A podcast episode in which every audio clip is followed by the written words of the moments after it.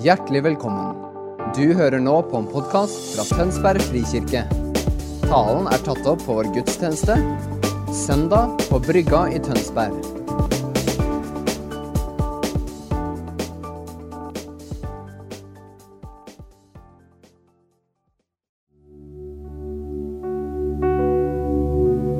Jesus, takker deg for at vi får ære deg, Jesus. Takker deg, pappa, for alt det du gjør i, midt iblant oss, Jesus. Takk for at du, du snakker til oss i, med din stille stemme. Takk, Jesus, for eh, alt det du gjør i hvert enkelt hjerte.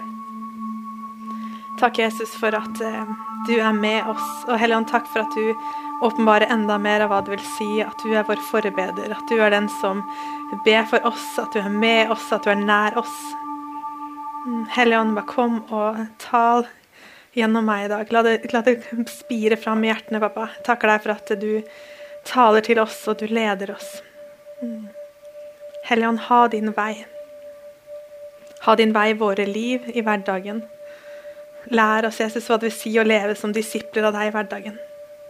Pappa, vi er nybegynnere. Vi har, vi, hver dag så ønsker vi å oppdage mer av hvem du er. Vi ønsker å oppdage mer av hvordan det ser ut å leve for deg og vise verden hvem du er. Og Jeg takker deg, Jesus, for at vi går ikke alene, men at du leder oss, Hellige Ånd. Så Hellige Ånd, kom og vis deg mer for oss i dag. Mm. Takk for ditt nærvær, takk for din godhet, takk for at vi får kjenne deg, Jesus. Du er den største gaven i livet, Jesus. Amen. Og det er så godt å tilbe sammen uten meteren. Var på um, Jeg heter forresten Camilla. eh, var eh, på en konferanse i Oslo i helga og no, på noe som heter Jesuskvinner. Det var eh, utrolig fint å se um, folk tilbe igjen. Sånn der, ikke sånn med lang avstand, sånn la oss tilbe litt forsiktig. Men det å se på en måte både unge, um, ja, eldre, voksne som bare priser Gud, og jeg bare kjente wow, dette her tar jeg ikke for gitt. Og For lenge siden vi har tatt det for gitt, det å tilbe, eller det å kunne komme sammen, det å ha fellesskap, det å prise Gud sammen. Men det var så stort for meg å se jeg kunne sette bort, og der satt ei dame og bare tilba Gud, og der sto en og bare fullt bare prise Gud. Og da kjente jeg bare sånn enorm takknemlighet for at vi kan tilbe Gud, at vi ikke trenger å ja, stå med munnbind, på en måte, men at vi kan synge. Ta ikke det som en selvfølge. Så det er så utrolig inspirerende å se hva Gud gjør i Nå var jeg på den konferansen, da, og jeg bare ble så inspirert av å se hva Gud gjør, at det er det samme som går igjen. Det er, det er det som jeg ofte ser, at det Gud fokuserer på i den tida her, er noe med det å hva, hva vil det si å leve for Han i hverdagen? Det er stadig fokus på Guds ord og viktigheten av å fylle seg opp med Guds ord. Og det tror jeg er mer enn noen gang i vår tid at vi trenger å fylle oss opp med Guds ord. Og det var en tale på fredagen. Det var vet ikke hvor mange bibelverser, det var kanskje 30 bibelvers. Vanligvis skal du ha noen få, men, men det var bare sånn bare, Det er så mye godt her. Og det var så gøy med taleren som bare Nei, vi må bare fortelle mer om Guds ord. Og det var bare en sånn sult eh, i, i den enkelte til bare hva, hva står det her? Hvordan skal dette her forme livet vårt? Og Vi er så heldige, vi har Den hellige ånd, som jeg skal tale om, som er vår forbeder. så Det er ikke nok med at han har gitt oss en bok, men han stadig ber for oss for at vi skal forstå enda mer av hvem er Jesus egentlig? Hvordan ser han ut i vårt liv? Hvordan kan vi la han prege oss enda mer? Så eh, vi skal snakke litt i dag om, Først skal jeg snakke litt om Jesus som forbeder. Hvordan levde Jesus en livsstil av bønn? Og hvordan han ber for oss, og hvordan det ser ut i våre liv. Så kjent på en skikkelig ja, forventning til Jesus, egentlig og til at vi skal oppdage enda mer av hvem han er. Vi ser at I Bibelen så står det at Jesus trekker seg stadig til side for å be. Jesus hadde akkurat helbredet en person, en spedalsk mann, og han hadde undervist en stor folkemengde. og Så står det i, Lukas 5, 16, Men selv trakk han seg ofte tilbake til øde steder og ba. Bønn var en livsstil for Jesus. Han gikk ofte til side for å be. Det står at han gikk opp på fjellet for å be. Det var, et, det var kanskje et sted det var lett å være alene, men det var noe at Jesus levde en livsstil av bønn. Og jeg syns det er så utrolig inspirerende når Jesus trengte å be. Jeg, da trenger jeg i hvert fall å be. Fordi um, måten han levde på Når han hadde metta 5000, rett før han skulle mette, de, så ba han, eh, og så metta han han etterpå. Men bønn var en så viktig del av Jesus sitt liv. I Markus 1,35 så står det tidlig neste morgen, mens det ennå var mørkt altså, han var sot veldig tidlig opp. Sto Jesus opp, gikk ut og dro til et øde sted og ba. Når vi, når vi ser hvordan Jesus prioriterer bønn, så skal det få oss til å tenke oh, hva gjør det med mitt liv? Og, og, bønn er noe som Gud ber for oss. Det er ikke noe som er sånn herre Bønn er egentlig den beste gaven i livet, men noen ganger kan man få litt sånn Å, hva er bønn? Hva, liksom, hva er det? Men det handler om å samtale med Gud, og at vi kontinuerlig snakker med Han. At det er, I løpet av dagen så, sånn, så, er Han der hele tiden. At vi kan bare be bønner til Gud. Han hører oss. Han kjenner oss uansett. Men det er noe med at vi bare legger hjertet framfor Han med bønn. Og at det er en veldig naturlig del av, av vårt liv som kristne. Og så var det nok behov rundt Jesus. Um, han han hadde jo masse å gjøre. det var jo Folk kom til han hele tida. 'Jesus, Jesus, kom, kan du be for meg? Kan du, kan du, du må be for den personen her.' Eller du må undervise de folka. Jesus hadde jo tre år da han gjorde tjeneste. Og tenk allikevel at Jesus brukte tid, at han gikk til side og ba. Han kunne, han kunne jo vært med folk hele tiden, og for det er så mange som kunne dra på ham. bare 'Jesus, du må, du må komme hit. Kom nå, kom nå Jesus.' Men, men uh, han valgte heller og noen ganger bare 'Nei, nå skal jeg til sida.' Han visste at disiplene skulle liksom være ute i en storm, og, men allikevel så velger han nei, jeg skal være med Gud. Jeg. Og jeg tror det er noe med den livsstilen som Jesus levde, som er så utrolig rik. At, eh, at Jesus så at ja, jeg har masse behov der ute, men jeg rekker meg likevel til side for å be. Og en, en pastor som eh, jeg ser opp til, han sa har jeg mer å gjøre, så, så må jeg trenge mer å be. Og det er noe med at i, i, livet vårt, så hvis det er veldig hektisk, så er det noe bønn. Det kan lett bare fly til side. bare ja, ja, det var ikke så farlig. Men det er noe med når, når, vi når vi bare trenger at oi, nå trenger jeg bare stoppe opp og be. Og det kjenner jeg i mitt liv, hvordan eh, stadig bare trenger å stoppe opp. Bare, Jesus, hallo, Jesus. Og så i, uansett hva jeg står i, om det er gode dager, utfordrende dager, så kan jeg si hei, Jesus. Her er du! Og så sier han han er jo der hele tiden for oss. Men det er noe med at vi blir klar over at han er her. Og at han er der for oss. Han ønsker å tale til oss, han ønsker å være til stede for oss.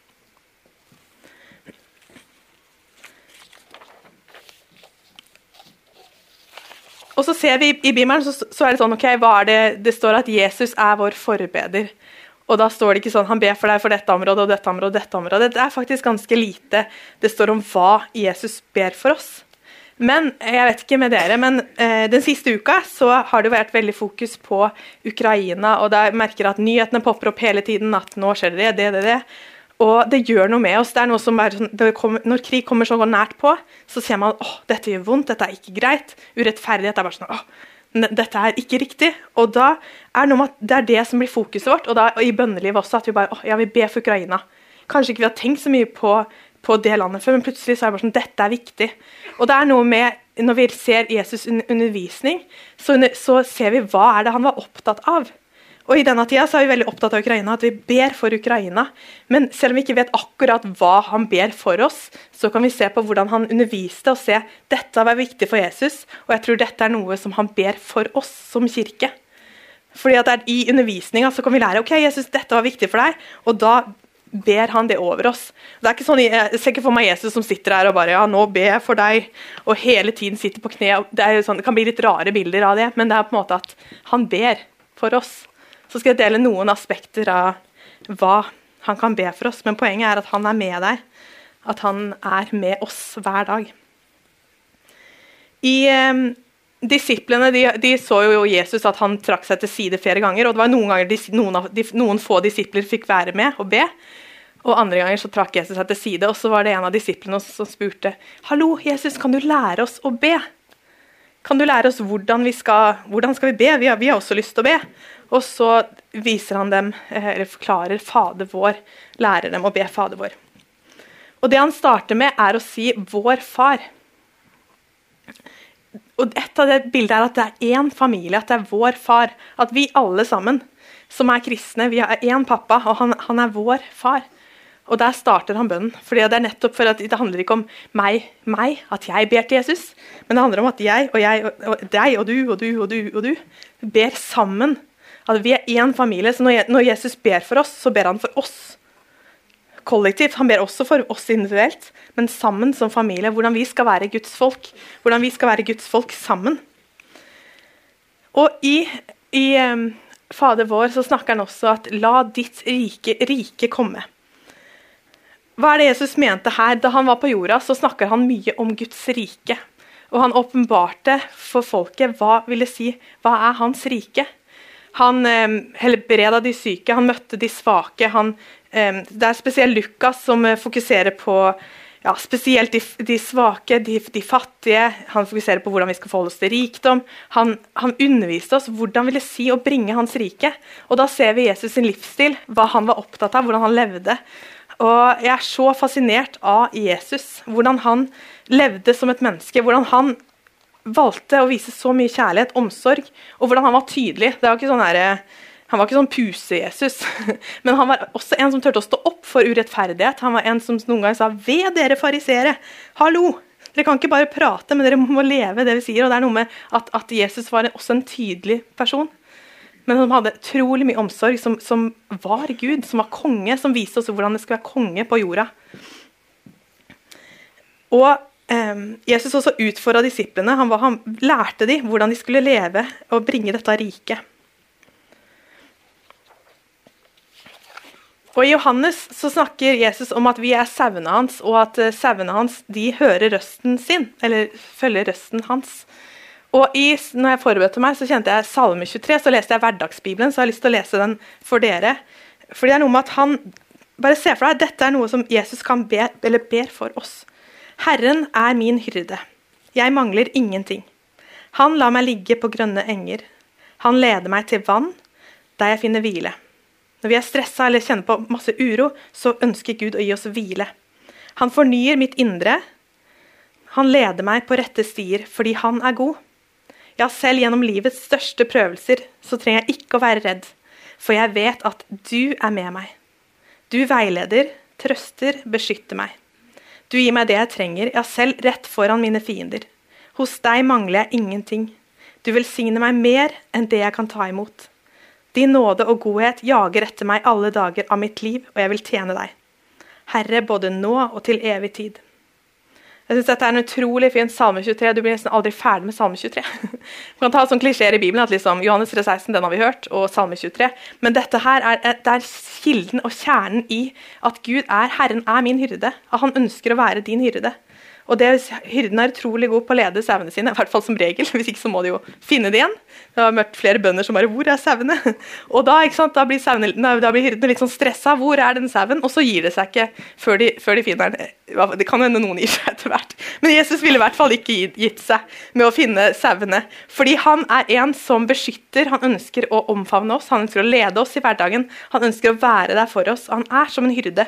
At vi kan følge etter han, og at, at han leder oss kontinuerlig i hverdagen. Så det er så utrolig fint med Jesus.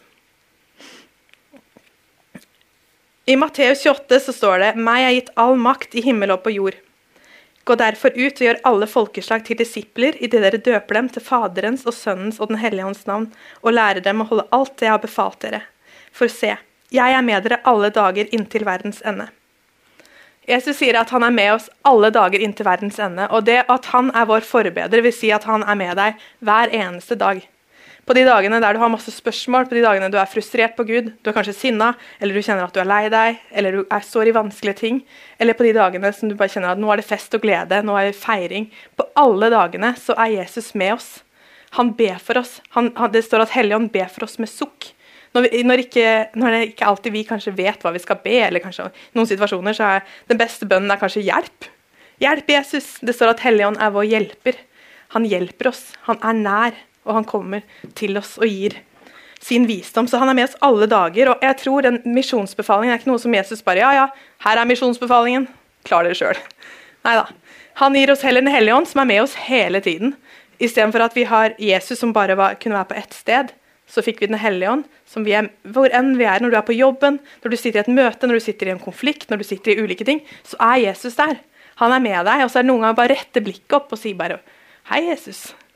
Takk for at du er her. Takk for at du kom med løsninger. Og i midt i livet vårt så er Gud. Og det er så utrolig fint at Gud er en Gud på, i alle dager av livet vårt. På de dagene som er gode, og de dagene som er utfordrende.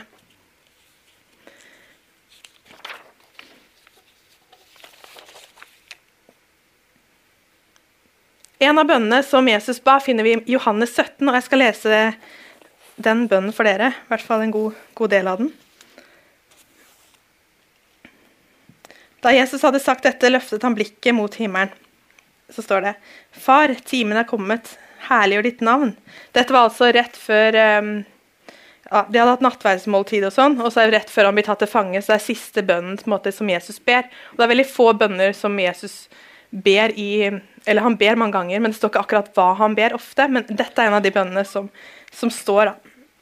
Far, timen er kommet. Herliggjør din sønn, så sønnen kan herliggjøre deg.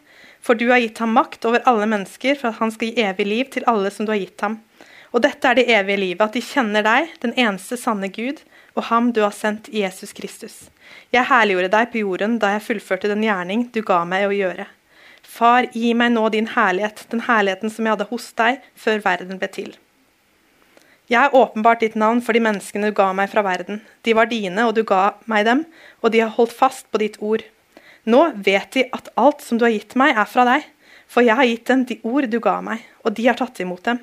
Nå vet de i sannhet at jeg har gått ut fra deg, og de har trodd at du har sendt meg. Jeg ber for dem. Jeg ber ikke for verden, men for dem som du har gitt meg, for de er dine.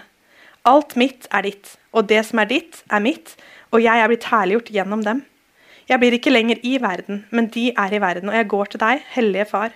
Bevar dem i ditt navn, det navnet som du har gitt meg så de kan være ett, slik som vi er ett. Da jeg var hos dem, bevarte jeg dem i ditt navn, det navnet du har gitt meg. Jeg passet på dem, og ingen av dem gikk fortapt, unntatt fortapelsens sønn. Da peker det på Judas, så Skriften skulle bli oppfylt.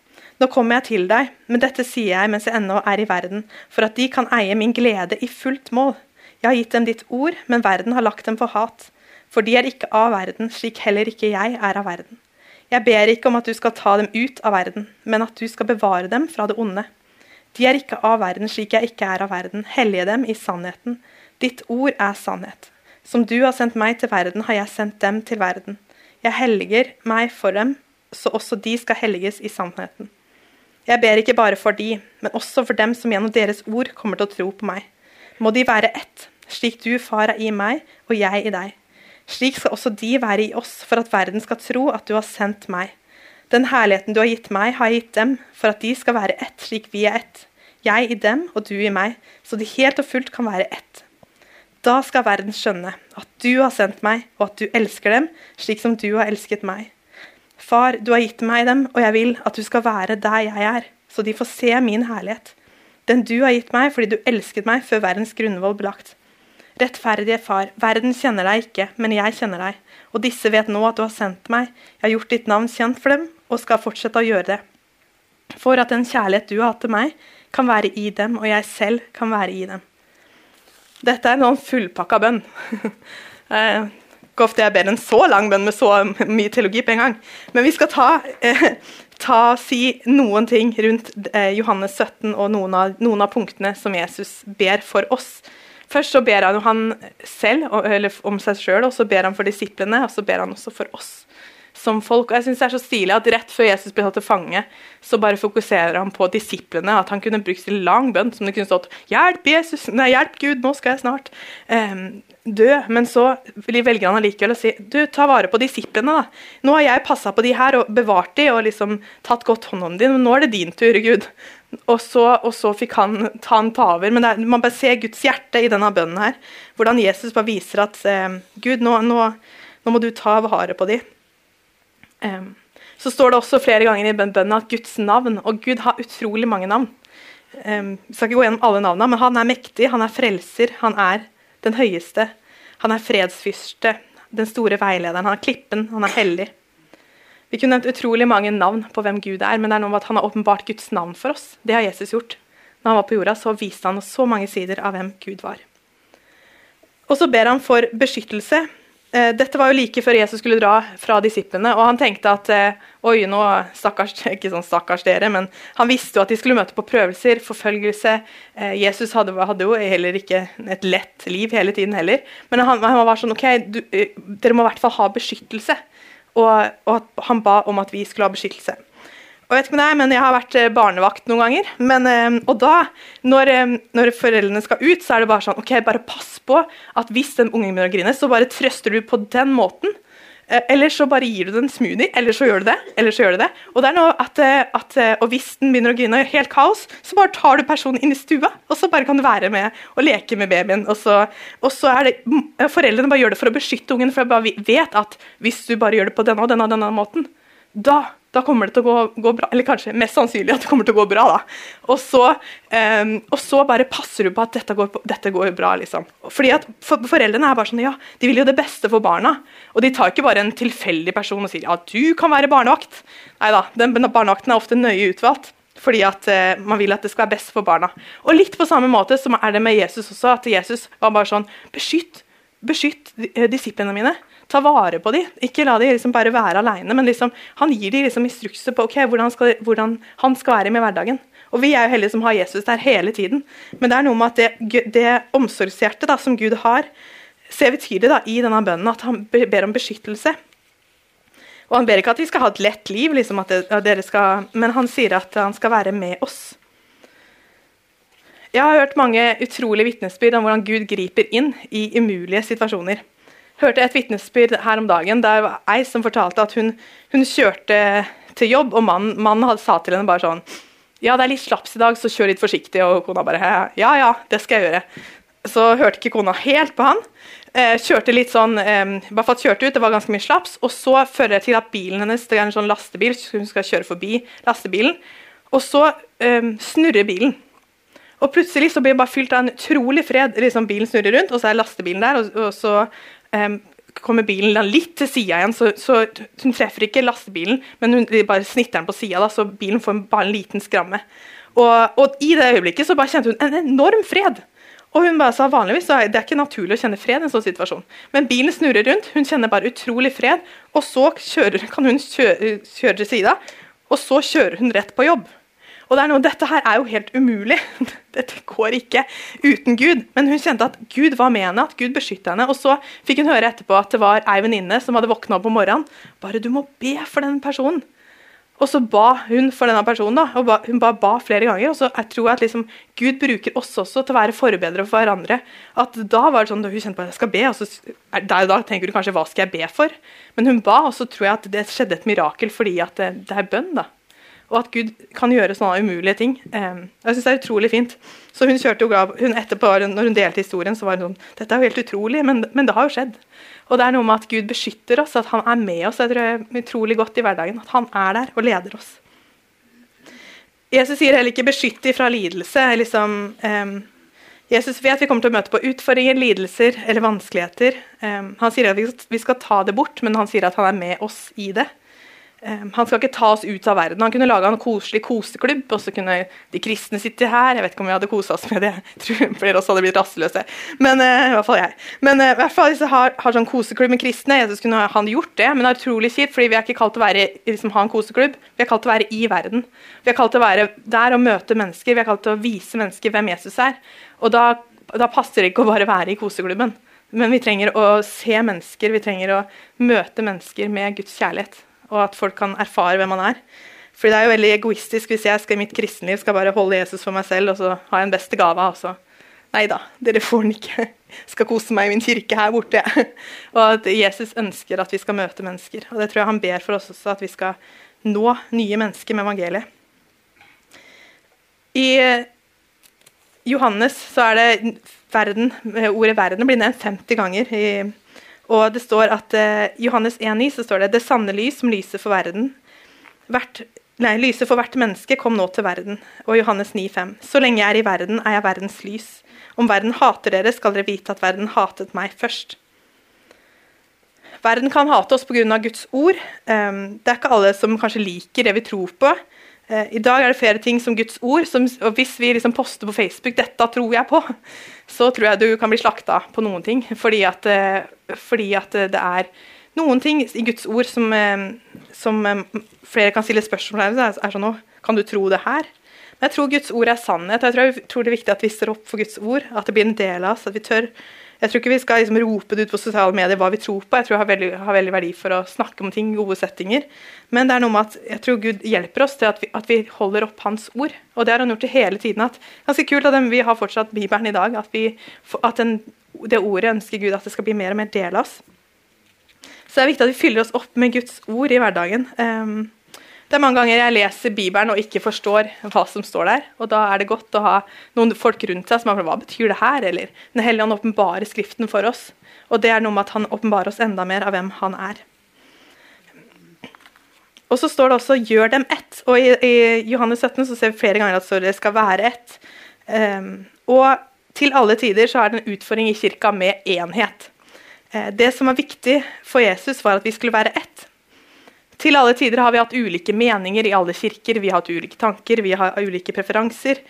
Vi er ulike mennesker. Vi har mange menigheter, og det er utrolig bra. Jesus ber for at vi, at vi skal ha enhet med hverandre. En dag skal vi møte alle søsken, og da er det ikke sånn Du gikk i den kirka, og du gikk i den kirka, eller du, du likte best den type sang, eller du likte den type sang, men da er det mer sånn Oi, godt å se deg. Vi er i samme familie. Eh, hvorfor ber han at vi skal være ett? Det står slik at verden kan forstå at Faderen har sendt Sønnen, og elsker alle mennesker. På samme måte elsker han Sønnen. Alle folk vil se at vi er hans etterfølgere på måten vi elsker hverandre på. Og I Fader vår også sier han Jesus at det er vår far, at det er én familie, at vi er alle én familie som står sammen. Det er ikke så mye fokus på den og den familien, men vi er hans folk. Um, og Gjennom Bibelen så ser vi stadig at Gud snakker om folket sitt. At vi er folk, vi er folk. Og sammen så får vi se enda bredere bilde av hvem Gud er. Og i andre kirker så får jeg se et bredere bilde av hvem Jesus er. Um, og når, når når vi møter Jesus en dag, det, det gleder jeg meg til. Så jeg, jeg, lurer på hvordan han ser ut, om han har sånn Skandinavia-Jesus, eller han, hvordan han ser ut. Men det er ikke poenget. Men det er ofte de bildene som blir tatt fram. Men, um, men jeg tror da kommer vi til å se at oi, vi er én familie, og at vi samles om det viktigste, som er Jesus sjøl. Og noe av det fineste jeg vet når jeg reiser på misjonstur, er å dra til forskjellige land. Jeg har vært til uh, både i Thailand og se måten folk uttrykker tilbedelse forskjellig. Og jeg var i Thailand, og da var det liksom veldig høylytt, da, så jeg kjente liksom ja, Og så er det jo litt dårlig høyttaler i tillegg, det kan man legge til, så det skurrer litt sånn også. Men det var bare sånn all begeistring og liksom alt vi tilber Jesus, og det var så utrolig fint å se de tilbe Gud. Så dro jeg, dro jeg til Guatemala, og der var det det var så varmt i det lokalet, og folk svetta, men allikevel skulle de bare danse for harde livet. Og bare Det rant! Og jeg husker jeg var så svett på det møtet. og kjente liksom Ja, ja, eh, vi tilber Gud på en måte. Men det var så rått å se den tilbedelsen, og pastoren han bare hoppa rundt. Og, og så kom vi til eh, en annen kirke der, der jeg har vært i, eller og så Der sitter vi alle og bare synger forsiktig, på en måte, og, og det er fint. Og så kommer man en annen kirke der man tilber ja, veldig mange måter. Jeg skal ikke ta alle måter vi kan tilbe på, men poenget er at eh, jeg syns det er så rikt å se at kirka er så forskjellig. Når du går til, Jeg har ikke vært i Afrika ennå, men bare se, har sett bilder av liksom, den African dance. Det er så kult. Og jeg tenker at eh, Gud, vi kan tilbe på ulike måter. For er én familie. Og vi har veldig godt av å se at vi, vi, er, vi er, en enhet, og at Gud ber dette over oss. Og, og, jeg tror det er en grunn til at han ber over oss, for det er, det er vanskelig. Det er ikke noe som er lett. Og Derfor trenger Gud å, å, si det gang på gang at enhet er viktig. Og Paulus nevner det gang på gang i brevene sine at enhet ber om at det skal ha enhet. Eller, han sier enhet er viktig. Og jeg tror i vår kirke i dag at, vi, at enhet er utrolig viktig på Guds hjerte. Og det er en grunn til at Når vi har på gudstjenestene våre, så har vi ofte sånn at vi ber for en kirke. Og Det er viktig for oss, fordi vi viser at vi står sammen som én familie. Vi er alle sammen. Vi er på forskjellige steder, og vi møtes om det samme som er Jesus. Og sammen kan vi feire hverandre og stå sammen i enhet. Og så sier han at han ber om at sannheten skal bli en del av oss. Um, det sier han også at Jesus har, han sier i starten at han har vist ordet, han har lært ordet, han har undervist hva ordet er. Eh, men at det, sannheten skal bli en del av oss. Det er noe jeg tror jeg Jesus ber om oss. At, at han snakka ofte om det. At Jesus bare ja, det skal være hørere og gjørere. At det, at det ser ut som noe. At eh, Vårt liv med Jesus er ikke bare sånn ja, ja, vi er kristne, men at når vi, når vi er med Jesus, så, så former han oss mer og mer etter sitt hjerte. Og det er ikke sånn at vi alltid kanskje merker det, men andre mennesker som ikke kanskje kjenner Gud, ser liksom Hvorfor er du så empatisk, da? Eller hvorfor er du så tålmodig? Eller hvorfor er du sånn og sånn? Eh, og det er noe med at Jesus preger oss, at han ber for oss. Og i situasjoner så ber han om for oss og leder oss. Og det er en utrolig fin egenskap med Jesus som jeg setter pris på. Jeg lurer på hvordan vi hadde ledd hvis ikke vi hadde blitt bedt for hele tida som kristne. Jeg tror, jeg tror, det er en gave. Um, Og så tror jeg også at Gud viser at han er forbeder ved at han eh, minner oss på hverandre. Og at han bruker oss som fellesskap til å være forbedere for hverandre. Det har jeg erfart flere, eh, så mange ganger sjøl. Både at mennesker kommer til meg og ber for meg, eller jeg får plutselig meldinger at eh, 'Camilla, for, jeg bare kjente på dette for deg.' Eller bare du får en oppmuntring, eller um, for Det var for noen uker siden, så var det hele dagen jeg bare minna på en person, og så bare tenkte jeg bare 'Å, jeg må få ringt den personen'. Og så tok litt tid, og så på kvelden så bare 'OK, nå har jeg tid, nå ringer jeg'. Og så, um, så hadde vi en prat, og så plutselig så var det sånn, ja så var det ikke noe spesielt. Og så bare spør jeg bare til slutt, for sånn, da hadde vi snakka kanskje en stund, og så var det sånn Du, jeg har blitt minnet på deg hele dag. Jeg måtte bare si det. Bare, jeg, det kommer ikke ut av tankene mine. Og så sa han, så, eh, sa han bare åh, tuller du meg, liksom? Jeg bare ja, nei, tuller ikke. Eh, og så fikk vi en utrolig god samtale der hun fikk lov å dele opp veldig personlig. Og så fikk jeg lov å be for henne, og så sier hun dette ble et gjennombrudd i livet mitt eh, i det øyeblikket fordi personen sleit med et eller annet. Eh, og så erfarte hun at Gud kom. Gud kom med fred. Gud kom med, med, med noe som gjorde at denne situasjonen ble annerledes. Og det er det som skjer med bønn, er at, at når vi i våre liv, enten at vi går, at Jesus ber for oss hele tiden, men at når vi også får forbønn, så skjer det noe i hjertene våre. Og det er ikke alltid kanskje, Nå er vi veldig forskjellige som personer. Jeg er jo veldig sånn følelsesmessig person. jeg har masse følelser. Men, eh, men andre kan møte Gud på en annen måte. og det er ikke noe at, at Men jeg tror at, at, er, eh, at, Gud bruker oss veldig i hverdagen på sånne småting. Bare sånn, Jeg må huske med den personen, eller jeg må bare eh, spørre den personen om det. eller Det kan være ulike ting.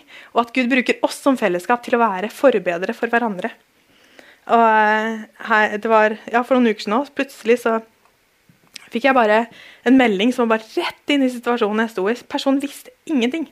Og det var så utrolig stilig å se hvordan Gud virker gjennom mennesker som meg og deg, og for å vise at han er en forbeder. Han vet hva jeg står i, i og han vet hva du står i i livet ditt. Og da kan han noen gang bruke andre mennesker til å si liksom Oi, dette her trenger du kanskje å bli minna på nå, eller Eller jeg ser deg, eller ber for deg. Og Gud er en Gud som ser.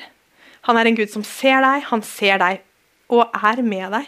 Og han går i forbønn for, for, oss. Og Det er utrolig godt å vite at vi har en forbe forbeder som ber for oss. Og det er ikke bare hvem som helst, det er Jesus Kristus. Han er den som kontinuerlig ber for oss i hverdagen. For at vi skal både oppdage hvem vi er i Han, men også at vi skal oppdage hvem Han er. At vi skal forstå enda mer av hvem Han er. Og Gud er jo uforståelig. Han er jo eh, Vi har forstått mye av Gud, men vi har sett en så liten del av hvem Gud er, for Gud er så utrolig stor. Han er liksom helt ubeskrivelig. Og den guden får vi lov å gjøre hverdagen med. Den guden er den som ber for oss, som ser mye lenger enn det vi ser. En gud som er tålmodig, en gud som har så mye eh, kjærlighet for oss. Han er vår hyrde. I han så ja, blir vi leda av han, da.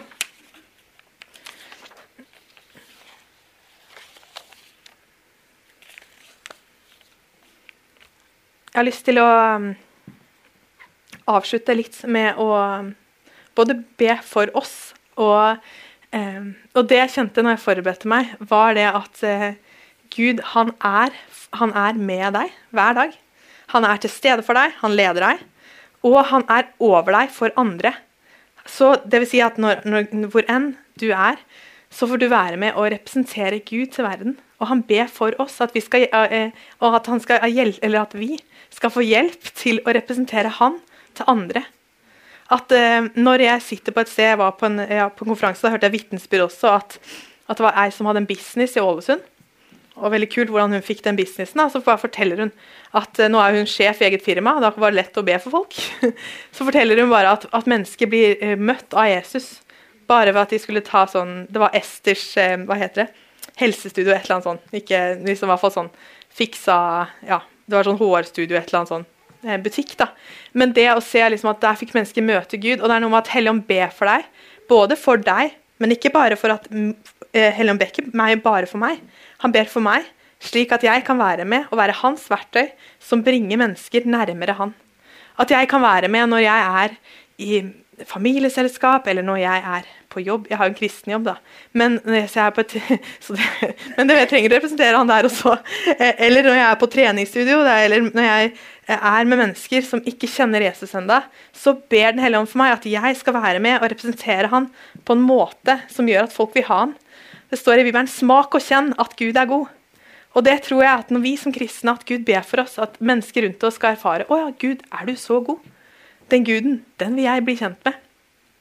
Jeg hørte også et vitnesbyrd på bønnemøtet om liksom ei på, ja, på en ja, Er du her? Merete? Kan vi dele? Eller? Det var litt spontant. Men jeg kan, jeg kan dele. Jeg det, det synes var utrolig inspirerende å bare høre på en arbeidsplass hvordan i den tida her at flere mennesker blir mer sultne på Gud. Eh, og at flere begynner å stille spørsmål fordi at all usikkerhet med Ukraina og alle disse tingene gjør at, eh, at man bli, kanskje blir mer usikker. Da. Og det gjør at kanskje flere er åpne for tro. Og det var så fint å bare høre at, eh, på den arbeidsplassen at mennesker åpner seg opp og ønsker å høre om Jesus. Og det tror jeg Jesus ber for oss, både at vi skal være ett folk, vi skal stå sammen i enhet, og at vi er hans disipler. Han er den som er vår hyrde. Han leder oss, han går med oss. Men også at vi skal være med å representere han til verden. Slik at ikke bare vi kan kjenne han, men slik at hele verden kan bli kjent med han. Og hele verden blir ganske stort. Men tenk om bare vi kan bety noe for én, et menneske, eller bare lede en person litt nærmere Jesus. At de ønsker å få enda større en del av hvem han er. Da skal jeg avslutte med å be. Pappa, jeg takker deg for eh, at du er vår forbeder. Og Jesus, Du har jo ikke sagt så mye i Bibelen om akkurat hvordan det ser ut, men jeg takker deg for at du er med oss i hverdagen, at du leder oss, at du går med oss. Og Helligånd, jeg ber for eh, hver og en i vår kirke. Og Jeg ber Jesus om at det du sier gang på gang i Bibelen i forhold til enhet, at du lærer oss hvordan ser det ut å leve et liv i enhet? Hvordan ser det ut å ta ditt ord på alvor? Hvordan ser det ut å se mennesker enda flere mennesker får oppdage deg. Og Helligånd, bare kom og tal til oss. Jeg bare ber for den neste uka. Jeg ber også om at du minner oss på hvordan du eh, leder oss i hverdagen. og Takker deg for kunnskapsord, takker deg for at du er med oss. Og Helligånd, kom og åpenbar deg sjøl for oss. Jeg takker deg for at du lot oss ikke være igjen her og være aleine, men at du er den som bor i oss, at du er med oss, at du leder oss. Så Helligånd vil bare si ja, kom, og vi ønsker å være dine barn som viser verden hvem du er. Og jeg takker deg for at du har sendt oss på et oppdrag, og jeg ber Helligånd om at vi skal ja, få vise kollegaer, vise folk på matbutikken, eller vise hvor enn vi er, Jesus. At ikke vi skal vise folk fordi vi må, Jesus. Fordi du har ikke sagt at vi må, men du har sagt at det er en invitasjon. Um, så Jesus Helligånd, bare kom og gi oss ditt hjerte for menneskene vi møter. Jeg ber om at du gir oss ditt hjerte for naboene våre. Gi oss ditt hjerte for kollegaene. Gi oss ditt hjerte for byen vår. Og jeg takker deg for Tønsberg. Jeg takker deg for at du ber for oss i Tønsberg. Jeg takker deg for at du ber for byen vår. Jeg takker deg for at du ber for landet vårt. Jeg takker deg for at du ber for Ukraina. Så Helligånd, bare kom og ja, vis oss enda mer av hvem du er. Takk, Helligånd, for at vi får kjenne deg. Ja, Jesus, vi er så glad i deg. Vi er så takknemlige for at du er den som leder oss, at du er vår hyrde, at du går med oss i hverdagen. Og Helligånd, hjelp oss til å holde fast på ditt ord. Hjelp oss til å ja, lære å leve som disipler av deg i hverdagen, Jesus. Og Helligånd, bare si ha din vei i livene våre. Vi ønsker bare å gå med deg, Gud ønsker å se mer og mer av ditt rike, at verden blir mer og mer et godt sted å være. Jeg takker deg for alle her, alle yrker og alle arbeidsplasser. Vi bare velsigner de med din fred og med ditt nærvær. At hvor enn vi er, Jesus, at flere og flere skal oppdage deg og se hvor innmari god du er.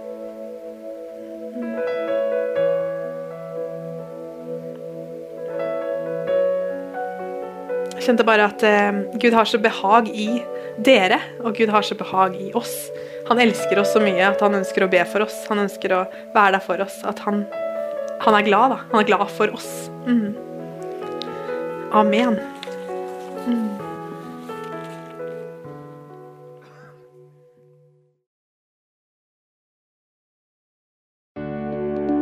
Takk for at du hørte på vår podkast. Har du spørsmål eller ønsker du å vite mer? Søk oss på vår nettside tonsbergfrikirke.no. Du er også velkommen til kirke på Brygga i Tønsberg.